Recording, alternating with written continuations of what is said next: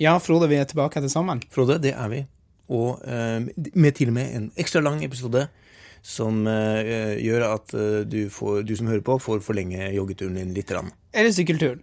Eller om du er på spinning, eller om du er i Spinning, poppejern, hva som eller hvor helst. du. Ja. Det blir en lang episode, og Clouet er i hvert fall at du må ta de ekstra ti minuttene og neglisjere kona litt for det her blir spennende. spennende. Det handler om trykket i norsk arbeidsliv. Yes. Hva skjer med norsk arbeidsliv? Ja. Er det store endringer, er det små? Siden uh, 1919 eller, så er det innført åttetimersdag, og vi tar en pulsmåling på 100-års, eh, 100-åringen. Vi har besøkt to av ekspertene på norsk arbeidsliv på Oslo OsloMet. Mm, På Arbeidsforskningsinstituttet. Riktig. Veldig langt ord. 25 stavelser, fant vi ut.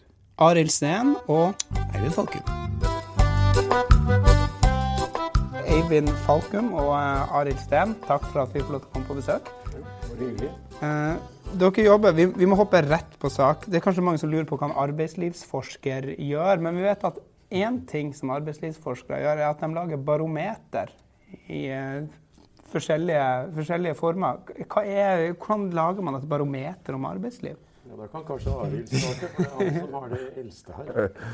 Uh, ja, altså et barometer det måler trykket. I motsetning til en te et termometer som måler temperaturen. Så vi prøver å Det vi er, har som ambisjon, det er å måle trykket i norsk arbeidsliv.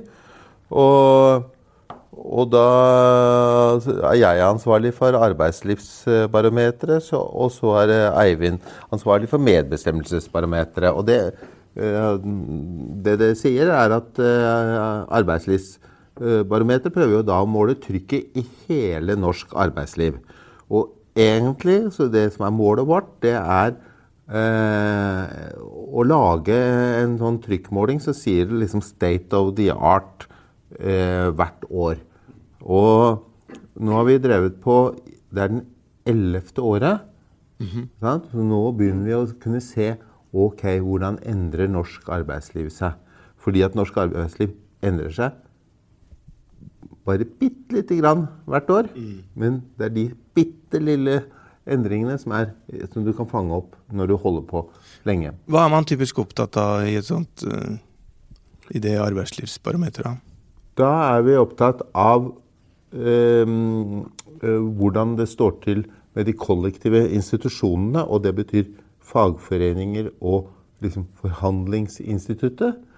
Så er vi opptatt av hvordan det står til med lønnsdannelsen. Så er vi opptatt av hvordan det står til med arbeidsvilkårene. Mm. Og likestillingen og tryggheten og tilknytningsformene i norsk arbeidsliv. Ja. Så det er deltakelse, sysselsetting, eh, organisasjonsgrad, eh, blant annet. Ja.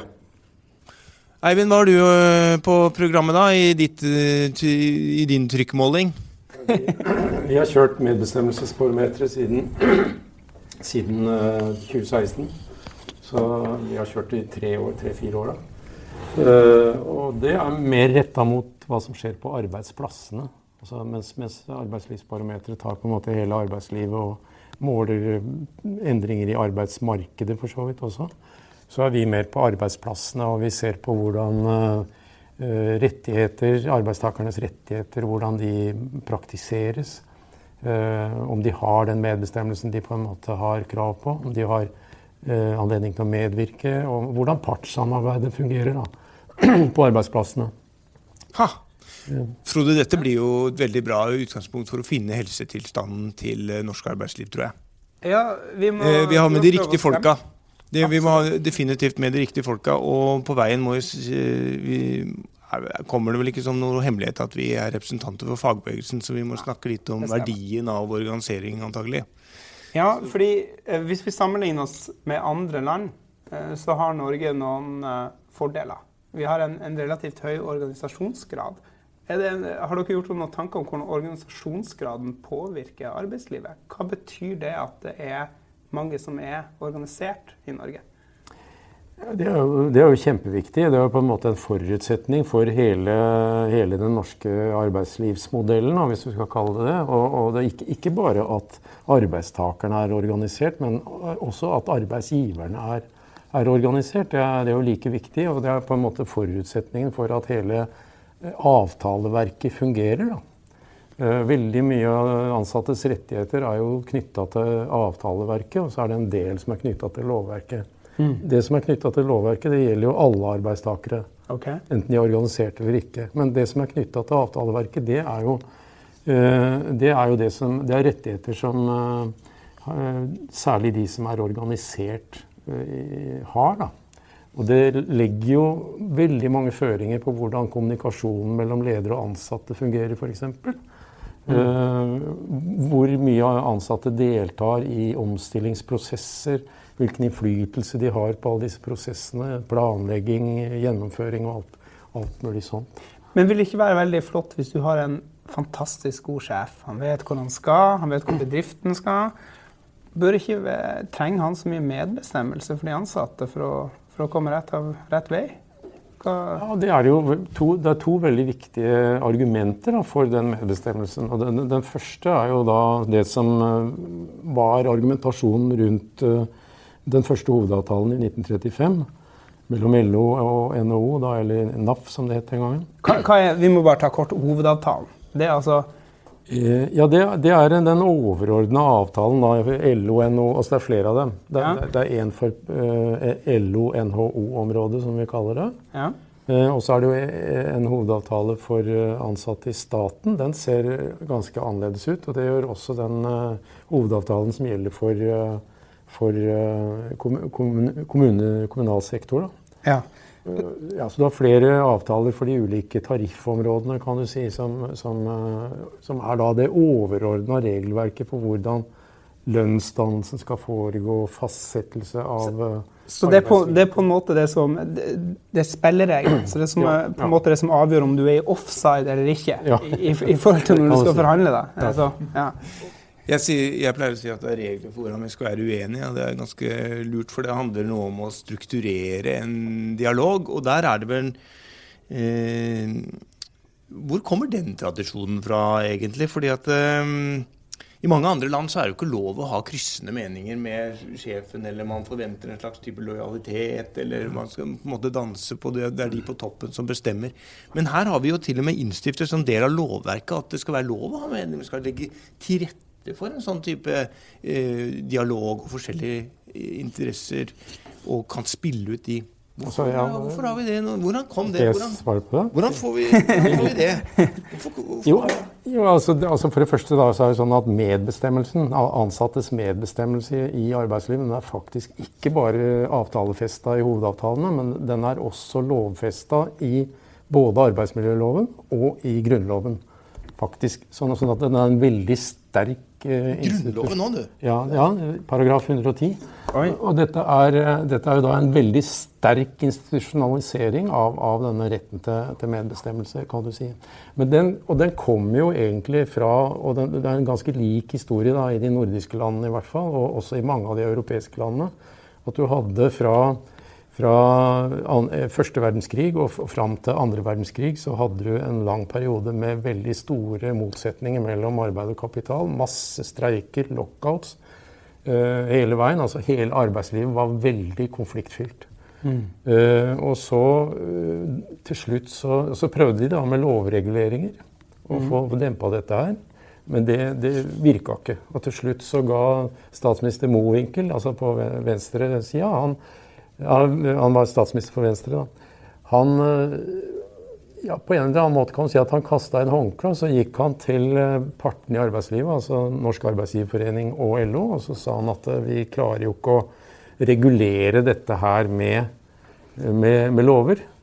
Så nå må dere på en måte finne en måte å samarbeide på som gjør at vi slipper alle disse altså det var alle streikene og lockouten førte jo til at konkurransekrafta i Norge gikk rett nedenom, og du fikk sto, egentlig store eh, samfunnsøkonomiske problemer da, til slutt. Uh, og, det, og, så laget han noe som het Arbeidsfredskommisjonen i 1930. Og så brukte de da fem år på å komme fram til en enighet om Som du sier, altså den første hovedavtalen i 1935 den var egentlig bare Det var, en, var, bare en sånn, nærmest en pamflett på et par sider. Så, Tok det fem år å komme frem til ja, ja, ja, ja. Eh, det var mye fram og tilbake der. Regjeringsskifter og nye forsøk på arbeidsfiendtlige lover, som de kalte det i 1933.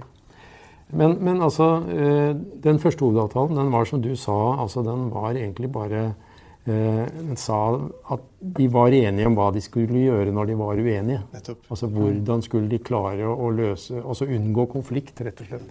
Det da det. er jo dette styrt av en slags form for pragmatisme. da. Altså ja, At uh, her, her, må vi ha noe på plass for det av hensyn til økonomi, av hensyn mm. til uh, konflikt mellom arbeid og kapital osv. Det var vel i og for seg ikke noe ukjent fra andre land. Nei. Hvorfor får vi det til her og ikke i de andre landene? Ja, jeg sier at lover er jo ikke nok. For at lover må ha en eh, legitimitet, og lover må også um, Hvis du regulerer veldig mye med lover, så krever det mye på en måte overvåking og sanksjoner for å få dette til å virke. Så det beste er jo selvsagt om du får de som lovene er tenkt å virke til, hvis du får dem med på laget til å utvikle lover og, eller praksiser. Og det er det som er det på en måte geniale med uh, den eh, norske arbeidslivsmodellen. At uh, man tar da inn partene og ansvarliggjør dem for praksis. Og forankre, rett og slett. Og forankre. Og så ja. skjer jo det eh, sant, Den, den historia som Eivind forteller fra 30-tallet, det, dette blir jo Da var arbeidskrafta i veldig stor grad en vare som kunne byttes ut. Og så skjer det at eh, etter krigen så blir arbeidskrafta mer og mer kvalifisert, kompetent. Den blir mye viktigere å forvalte den på en eh, skjønnsom og fornuftig måte. Og da eh, kan du ikke bytte ut arbeidskraft på samme måte som før. Så, sånn at eh, du må eh, eh du må, mm, du må ta med arbeidskraft i utviklingen av produktiviteten. Mm. Og det, Produktiviteten er vanskelig ja, det, for, å, for, å, lage gode produkter, gjøre gode tjenester, jobbe smart, så skjønner da de smarteste kapitalistene de skjønner dette. De skjønner at dette går jo ikke å kommandere. Vi må heller ha med oss folka. Men skjønner de smarte sosialistene det òg? Eller er det bare Ja, det tror jeg. Det tror jeg, det tror jeg absolutt. Altså, hvis du tar økonom, all, Nesten all økonomisk teori sier jo at hvis du skal få kapitalen til å vokse, uh, så må du tilføre arbeid. Det er mm. arbeidet som bidrar til, til, verdiskaping og økning av verdien i kapitalen. Og mer velstand. Ja. ikke sant? Og så, blir da, så er det, det avtaleverket og lovverket i Norge det gjør at man har kommet fram til en måte å fordele eh, den veksten på en rimelig måte, sånn at det balanserer ut forskjellene mellom eh, motstridende interesser mellom arbeid og kapital. Jeg tenker at det er en sånn balansering av uh, de motsetningene som man egentlig har fått til i Norge på kanskje en bedre måte enn Sverige og Danmark også. Det, det her høres jo ufornektelig ut som et veldig godt system. Men vi starter med å snakke om forskjellige barometer. Eh, det ene er medbestemmelsesbarometeret. Da har vi kommet frem til at det at eh, arbeidstakere får lov til å være med og ha innflytelse over en hverdag, er bra for økonomien. Men Arild, jeg tenkte jeg skulle spørre deg om noe. De som er utenfor, da, de som ikke får delta i arbeidslivet, hvordan eh, funker dette systemet for dem? Det funker egentlig generelt dårlig å være utenfor arbeidslivet. Ja. Men det har ikke egentlig så mye med det organiserte arbeidslivet å gjøre. Men det, det som vi, for da gåsetegn som betyr det norske samfunnet, prøver på, det er jo hele tida å få flest mulig innafor arbeidslivet. Og at det er eh, avgjørende for økonomi, for eh, kan du si, eh, for den enkeltes eh, opplevelse av eh, å være delaktig, eh, og faktisk også viser det seg nå for helsa til den enkelte. Mm. For å uh, leve gode liv så må du rett og slett delta i arbeidslivet, ja. sånn som samfunnet vårt er. Altså det, ja, Da tar du den norske modellen egentlig sånn. altså Den sier jo egentlig at du har, Den har to sider. Den ene er et samarbeid på, i arbeidslivet mellom mm. partene der. Og så har du på den andre sida en, en velferdsstat som på en måte støtter opp under verdiskapingen, samtidig som verdiskapingen er det som gir grunnlaget for hele velferdspolitikken. Ja. Men det vi kanskje kunne eh, burde snakke litt mer om, da mm. eh, Fordi at eh, Spørsmålet er hvordan det går da med denne, eh, disse institusjonene mm. som faktisk er, er, veldig viktige. Og så ser vi nå internasjonalt så ser vi jo at eh, organisasjonsgraden blant arbeidstakere faller mm. veldig og har gjort det de siste Hva er organisasjonsgraden i Norge? Ja, den er Ca. halvparten er organisert. Ja, okay. Og det, eh, Internasjonalt sett så er det høyt, men eh, i forhold til Sverige og Danmark så er det, ganske, så er det litt lavt. Ja, Så er det jo kjempeforskjell på offentlig og privat sektor. Ja, og det er der problemet i Norge ligger. Fordi at, at uh, I offentlig sektor så er det alle mer eller mindre organisert. Uh, men i privat sektor og i privat tjenesteyting, der ligger vi nå Uh, store deler av privat tjenesteyting ligger under 30 nå, nå blir vi litt nysgjerrige. Hvorfor i all verden er det sånn? Hvorfor er det færre i privat sektor som organisert? Ja, Det er fordi at det er små virksomheter. Og det er fordi at de, en del av arbeidsgiverne der ikke er organisert. Og når arbeidsgiverne ikke er organisert, så blir ofte heller ikke arbeidstakerne organisert. Uh, og fordi at der har du en uh, Deler av arbeidsstokken har en, det vi kaller en svak tilknytning til arbeidslivet. De har kanskje bare en midlertidig ansettelse. Uh, de er i starten kanskje av sin yrkeskarriere og vet ikke helt de skal, hvor, de skal, hvor, de skal, hen. Og på en måte Det skjer en slags fragmentering av forholdet i arbeidslivet ved at de som før var ansatt innafor en bedrift, de blir kanskje nå ansatt i en, et firma som server den bedriften med tjenester. Mm. Og så blir det en bitte liten eh, virksomhet. Mm. Er dette det som ligger bak? For uh, i uh, meg bekjent så var jo hovedfunnene fra Arendalsuka og, det dere la presenterte arbeidslivsbarometeret nå, så kan man veldig spissformulert si at Eh, populariteten for organisasjonsinstituttet, forskningen rundt det, viten om at dette er lurt, dette skal vi ha, dette er bra, norsk modell, alle snakker om det. Eh, det er, det er, på topp, har aldri vært eh, på en måte bedre. Men ingen vil være organisert. Eller, eller det er dalende på en måte organisasjonsgrad. For det første må jeg spørre deg, Arild. Kan, kan ikke du først oppklare skillet mellom organisasjonsgrad og tariffavtaledekning. For det er eh, en, en, annen greie, og der går vi litt surr ofte. Ja, men, men, jeg vil først da, Kan ja? jeg ikke først få ta den første? Ok, si det deg, og du ser jo.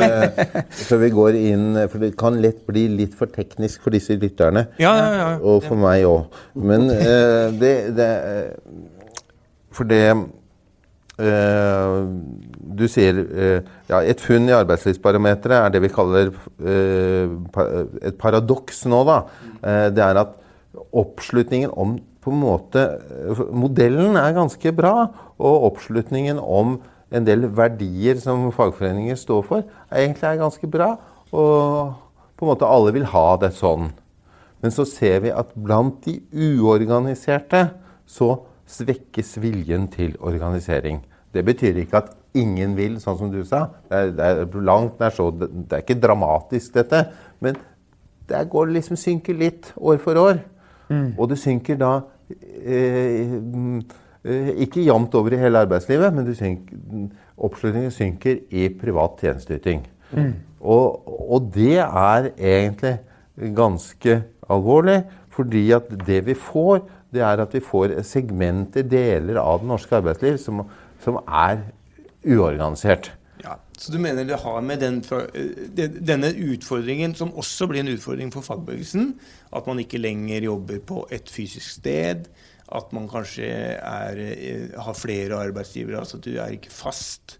Eh, du, um, altså den, den, type utviklingstrekk? Ja, det, har, eh, det, det, er mange faktorer som er med på å liksom eh, løse opp eh, strukturene. Eh, og, og, du kan si de delene av arbeidslivet som kanskje hele tida har vært litt sånn løst, de, de, de vokser. sant? Mens, eh, mens på en måte de store industrilokomotivene eh, de, har vi ikke, de sysselsetter ikke så mange lenger. Så de, eh, da spiller de stadig litt mindre rolle. Ja, og så har du jo også I medbestemmelsesbarometeret så viser vi jo at de norske arbeidsplass, store norske industriarbeidsplassene som er eid av utenlandske eh, investorer, der er medbestem... Altså de har alle de bedriftsdemokratiske ordningene på plass i samme grad som norskeide virksomheter. Men de praktiserer avtaleverket ganske forskjellig. Sånn at eh, graden av medbestemmelse, medvirkning, innflytelse for ansatte blir lavere i de virksomhetene, og signifikant lavere, liksom.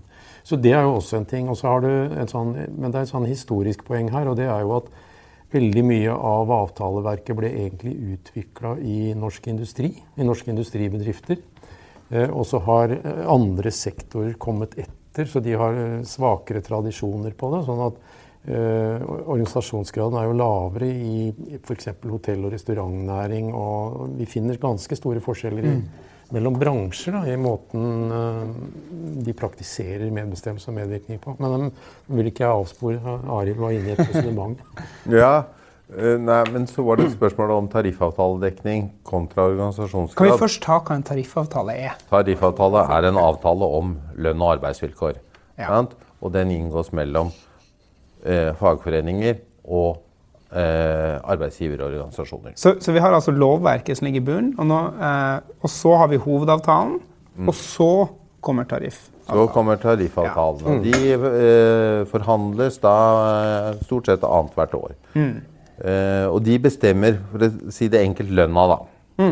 Og eh, de bestemmer lønna for de som er organisert, men også for ganske store deler som er uorganisert. Og er du uorganisert på en arbeidsplass hvor de flesteparten er organisert, så binder den tariffavtalen også de uorganiserte. Aha. Og så kan du si at tariffavtalen også smitter til andre deler av arbeidslivet. Mm. sant? Fordi at eh, ja, ja, tariffen er sånn og sånn, og da gjør vi det sånn og sånn. Og det syns eh, kanskje en del arbeidsgivere er greit, og det syns en del uorganiserte arbeidstakere er, er greit òg. På en måte, for å si det litt sånn uh, populært, så blir deler av arbeidslivet gratispassasjerer på det avtaleverket som de organiserte ja. Partene har. Og der er vi inne i en eh, La oss bruke det begrepet, for det, det går igjen av og til. Og da er det en, litt sånn at eh, det er mange som stiller spørsmålet "Ah, hvorfor skal vi betale? Ikke sant? Det er jo dritdyrt å være organisert. Det koster jo eh, flere tusen kroner i, i opp mot 9000 kroner i året. ikke sant? Så det må jo være noen fordeler med det som på en måte som, som trumfer det å ikke være det. Men veldig mange sier at det er nettopp den høye kostnaden gjør at eh, det står seg på å være gratispassasjer. Hva er det, er det riktig, rett og slett? Altså, det er jo et sånt solidareprinsipp som du var inne på, Arild, som er at du kan ikke egentlig diskriminere der hvor det er eh, avtale på plass. Kan du ikke diskriminere mellom de organiserte organisert arbeidskraft og ikke-organisert arbeidskraft? Nei, det er riktig. Det er vanskelig. I de eh, alle de undersøkelsene vi har gjort, så viser vi at uh, uorganiserte har omtrent like ja, oppunder samme innflytelse da, som de organiserte arbeidstakerne. Eh, men så er det mm, Altså Det er jo et problem her. da, Det er jo som gjelder i alle sånne store eh, spørreundersøkelser som det vi gjør nå. at det er eh, Vi får ikke tak i alle de uorganiserte. Det er en lavere svarprosent blant de enn blant de organiserte. Det er også mye vanskeligere å få tak i alle de som eh, Altså vi har en øh, Barometerne er skeive i forhold til eh, de som ikke er i jobb, f.eks. Eller de, de som er bare deltidsansatt, og de som er midlertidig ansatt. De er veldig vanskelig å få tak i. for å- Og de som ikke snakker norsk. ja, og de som ikke snakker norsk. ikke sant? Så, sånn at, eh, det, men dette gjelder ikke bare barometerne våre, dette gjelder også de store undersøkelsene som eh, Statistisk sentralbyrå gjør. og, det, er liksom, det er et generelt problem da, i, i, i sånne spørreundersøkelser i arbeidslivs... De svakeste gruppen eh, er av og til når man har vanskelig å få gode data fra. Ja.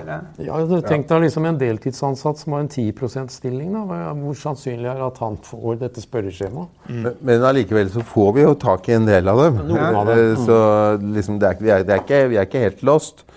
Og det ligger i gratispassasjerbegrepet at alle kan ikke være gratispassasjerer. Altså hvis du tenker at hvis alle skulle være gratispassasjerer på trikken, så ville det ramle sammen. Mm. Ja. Og hvis alle er gratispassasjerer i det norske arbeidsliv, så vil også det ramle sammen. Ja. Men da kan man jo spørre seg eh, Altså, gratispassasjerer på trikken, eh, det syns de fleste ikke noe om. Men er det Mens retten til å være uorganisert er jo på en måte også en eh, demokratisk rett, da. Og den, eh, det finnes partier som syns at det er veldig viktig, da. og retten til å være uorganisert. Og det er Hvis du setter deg på spissen sånn at ikke en forsker skal gjøre, da, men du kan jo, dere journalister kan jo gjøre det, og så kan si er det egentlig retten eh, til å være uorganisert det samme som å være retten til å være gratispassasjer? Eller retten til å bidra til å nedbryte modellen over lengre tid. det som jeg syns er litt ra- rart, som du må spørre om et paradoks, sånn som det ser opp, opp, ut i, opp i mitt hode, det er at eh, Hvis vi går litt tilbake til det det, det historien du snakket om, eh, Eivind, så er det jo et gjennomslag for norsk arbeidslivsforskning eh, på 60-tallet, hvor man på en måte får demonstrert sammenhengen mellom ikke bare at eh, folk blir gladere og at de får høyere livskvalitet, men de får rett og slett Det lønner seg jo. Altså at man, Ja, produktiviteten går jo opp. Ja. Mm. Og dette gjør man i industrien, og det er jo, som du var inne på, eh, ansatsen til at man får eh, hovedavtalens del C, altså med samarbeidsavtaler og alt det der. Eh, og det er jo, mye av dette er jo grunnen til at man eh, vil ha det, som du var inne på, Arild, i, i industrien.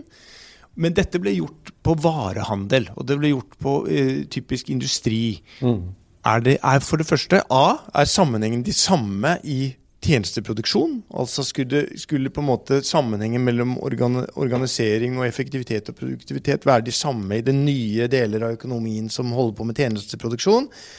Og hvor lenge kan vi forvente oppslutningen på det nivået vi har nå, hvis ikke vi forteller om denne forskningen? For det er det jo ingen, som gjør. Det er jo, det, det, eh, det er jo ikke på pensum, det gjentas jo ikke. Det er jo, det er jo Det er jo kjent. Sånn som, ja, veldig, selvfølgelig. Men min, eh, min bekymring til dere er jo at dette er vi ikke så gode til å fortelle om i, i, Nei. til den allmenne befolkning, da.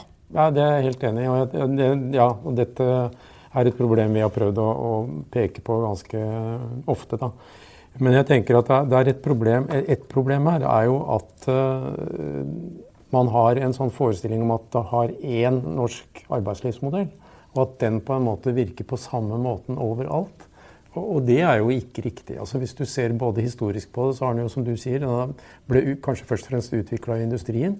Og så har varehandelen og tjenesteytingen kommet etter, men, men på en mye svakere måte. Og det vi ser nå, det er jo veldig store forskjeller i måten denne medbestemmelsen og innflytelsen og medvirkningen, partssamarbeidet, eh, virker i, i, i ulike bransjer. Eh, Store forskjeller som gjør at det er, det er vanskelig for oss å si at dette er én modell som virker på samme måten overalt. Tvert imot så, så må du se på hva skjer på den enkelte arbeidsplass? Hvordan praktiserer de disse ordningene? eh, Og hva har det å si? Og så har du det der kjempeproblemet i norsk arbeidslivsforskning som vel ingen jeg vet om har egentlig klart å løse ordentlig. Det er jo nettopp å, å forske på og få, fram eh, sammenhengen mellom produktivitet eller verdiskaping da, og disse samarbeidsformene. Du, du, vi, vi har opplevelsesdata som sier at jo, sånn er det. Eh, Folk trives bedre der hvor de har stor grad av medbestemmelse. Det er også sånn at virksomheter som har en høy grad av medbestemmelse, også er mer inkluderende i forhold til andre grupper. Eh, Men den derre klare effekten på produktivitet, den, den klarer vi ikke Det er fryktelig vanskelig å måle. Så, så det, eh, det, vi prøver, men vi har ikke Ja, vi har noen data på det nå som vi driver og kjører på, men, men eh, ja, det er komplisert, altså. Men det er, en ting, eh, det er en ting jeg lurer på. Fordi vi har åttetimersdagen. Og den ble 100 år i eh, fjor. Feira behørig. Eh, Men eh, i forhold til medbestemmelse er en ting. Men jeg tenkte å spørre deg, Arild. eh, I forhold til arbeidslivet generelt, er det et press? Ønsker folk å jobbe, ha kortere arbeidsdager? Siden jo flere som er organisert, så styrkes jo produktiviteten. Da kan vi vel jobbe kortere? Er åttetimersdagen en gullstandard som skal vare evig? Um, Tja, eh, det kan man jo lure på. Eh, fordi at eh, altså nå, Hvis jeg husker riktig, siste generelle arbeidstidsreduksjon, om den var på 70-tallet, mm. tror jeg når vi gikk ned til 37,5 timers uke. Mm. Og er, hvis du spurte meg liksom, ja, tror du den vil stå i 100 år til, mm. så vil jeg si nei, det tror jeg ikke. Men uh, samtidig så, så, er det ikke sikkert at begrepet vårt uh, liksom skiller mellom arbeid og fritid, og, eller arbeid og annen tid, vil mm. være liksom på samme måte. Så jeg vil ikke uh, spå så mye om det. Men jeg har jo en eller annen sånn naiv forestilling om at arbeid ikke bare er eh, en pest og en plage for mange, men også en, en, del av, en viktig del av meningen i livet. Mm. Sånn at ikke målet alltid er å, å jobbe minst mulig. Jeg tror ikke alle ønsker det. Jeg tror, alle, tror veldig mange sant, ønsker det å få bekrefta at man betyr noe, og at man har gode kolleger, at det er relasjoner, at man eh, betjener eh, Yter service til mennesker. Og flere og flere kommer til å jobbe på den måten eh, i framtidas arbeidsliv. Når vi digitaliserer det meste av produksjonen, så kan vi jobbe mye mer med mennesker. Mm. Eh, og, og da tror jeg det kanskje arbeidslivet på en måte blir enda mer meningsfullt. Ja. Vil det være noen grupper som kanskje har, eh, har, mer behov for kortere arbeidstid? Så mer fysisk krevende jobber og sånne ja. ting. Men det, det bør kanskje ja. ja. det har jo alltid vært det. Og kanskje liksom at alle skal jobbe altså nå, Det er jo forskjell på skiftarbeid de har jo kortere arbeidstid mm, mm. Eh, enn eh, folk som ikke har skift. Men at vi bare skiller på det, det Vi kunne skille på andre ting. Kanskje det var sånn at eh, eh som, ja, du, du, sa fysisk krevende jobber, men det blir jo mindre fysisk krevende jobber også. da. Men det kunne jo kunne kanskje være at hvorfor skal en, en akademiker, en professor, hvorfor skal hun jobbe like lenge eller kort som en hjelpepleier? Uh, er det åpenbart? Uh, professoren har nesten dette som en del av hobbyen sin. Sant? ja. ja, det er vi inne på liksom er på en måte noe av det som Einar Thorsrud, som stifta Arbeidsforskningsinstituttet mm. Det han holdt på med, eller påpekte Når, når var det han stifta Arbeidsforskningsinstituttet? 64 nå. Ja. Ja.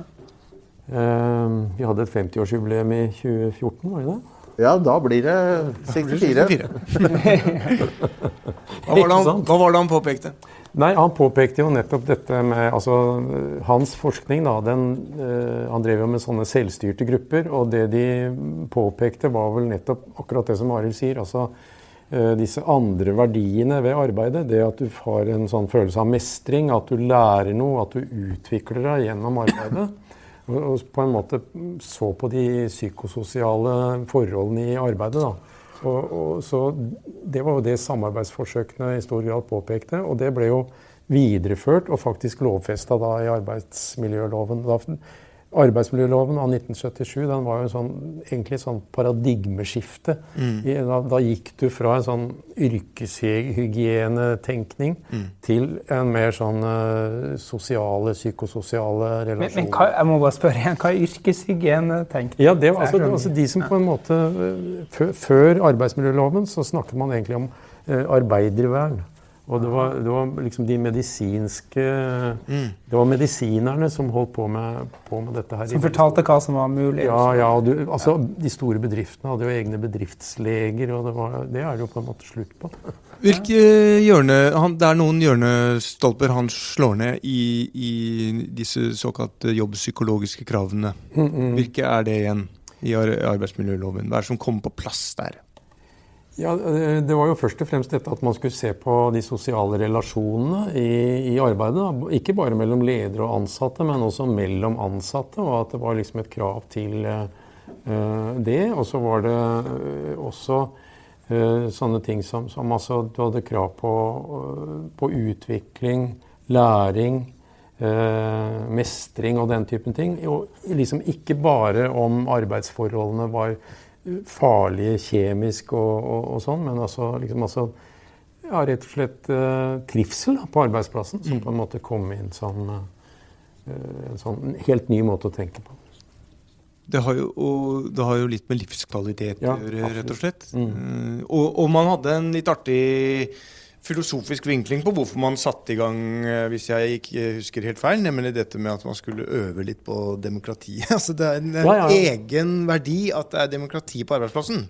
Ja, det var, jo, det var jo en sånn eh, egen tradisjon i utviklinga av demokratiet som sa at Og den kom vel egentlig fra USA, både med, med Robert Dahl og, og Kyle Plateman, som, som sa begge to at eh, begrunnelsen for å ha et bedriftsdemokrati, det var at der, da kunne man da øve på å være eh, borger i et demokratisk samfunn. Altså at det skulle spre seg da fra arbeidslivet og ut. Mens eh, du har jo andre tradisjoner som, som ser motsatt på det. Altså at, eh, at man skal ha et demokratisk arbeidsliv også i et eh, demokratisk samfunn. Så deltakelse i det organiserte arbeidslivet det, det bidrar til å gjøre en mer demokratisk bevisst. da. Ja. Det, er en, det er en sammenheng. Absolutt. Men eh, det var veldig hyggelig å få lov til å komme på eh, besøk til dere. Eh, Eivind og Aril Arild, Eivind og Falkum og Arild Steen i arbeidslivs, eh, arbeidslivsforskere på Arbeidslivs... Oi. Arbeidsforskningsinstituttet Arbeidsforskningsinstituttet Det litt ved Oslo OsloMet. ved Oslo Met. Hva lærte du egentlig her, Frode? Jeg syns vi lærte veldig mye om standarden på norsk arbeidsliv i dag, og, og i retten, retninga det går i. Ja. Og at bitte små endringer hvert år, Fører til store endringer på sikt, sånn som jeg forsto som det. vi bør være litt oppmerksom på hvis vi skal ivareta det vi har. Eh, eller være, vi må i hvert fall være bevisst hvilken retning vi går i. Dette er LO Ingeniør sin podkast. Jeg heter Frode.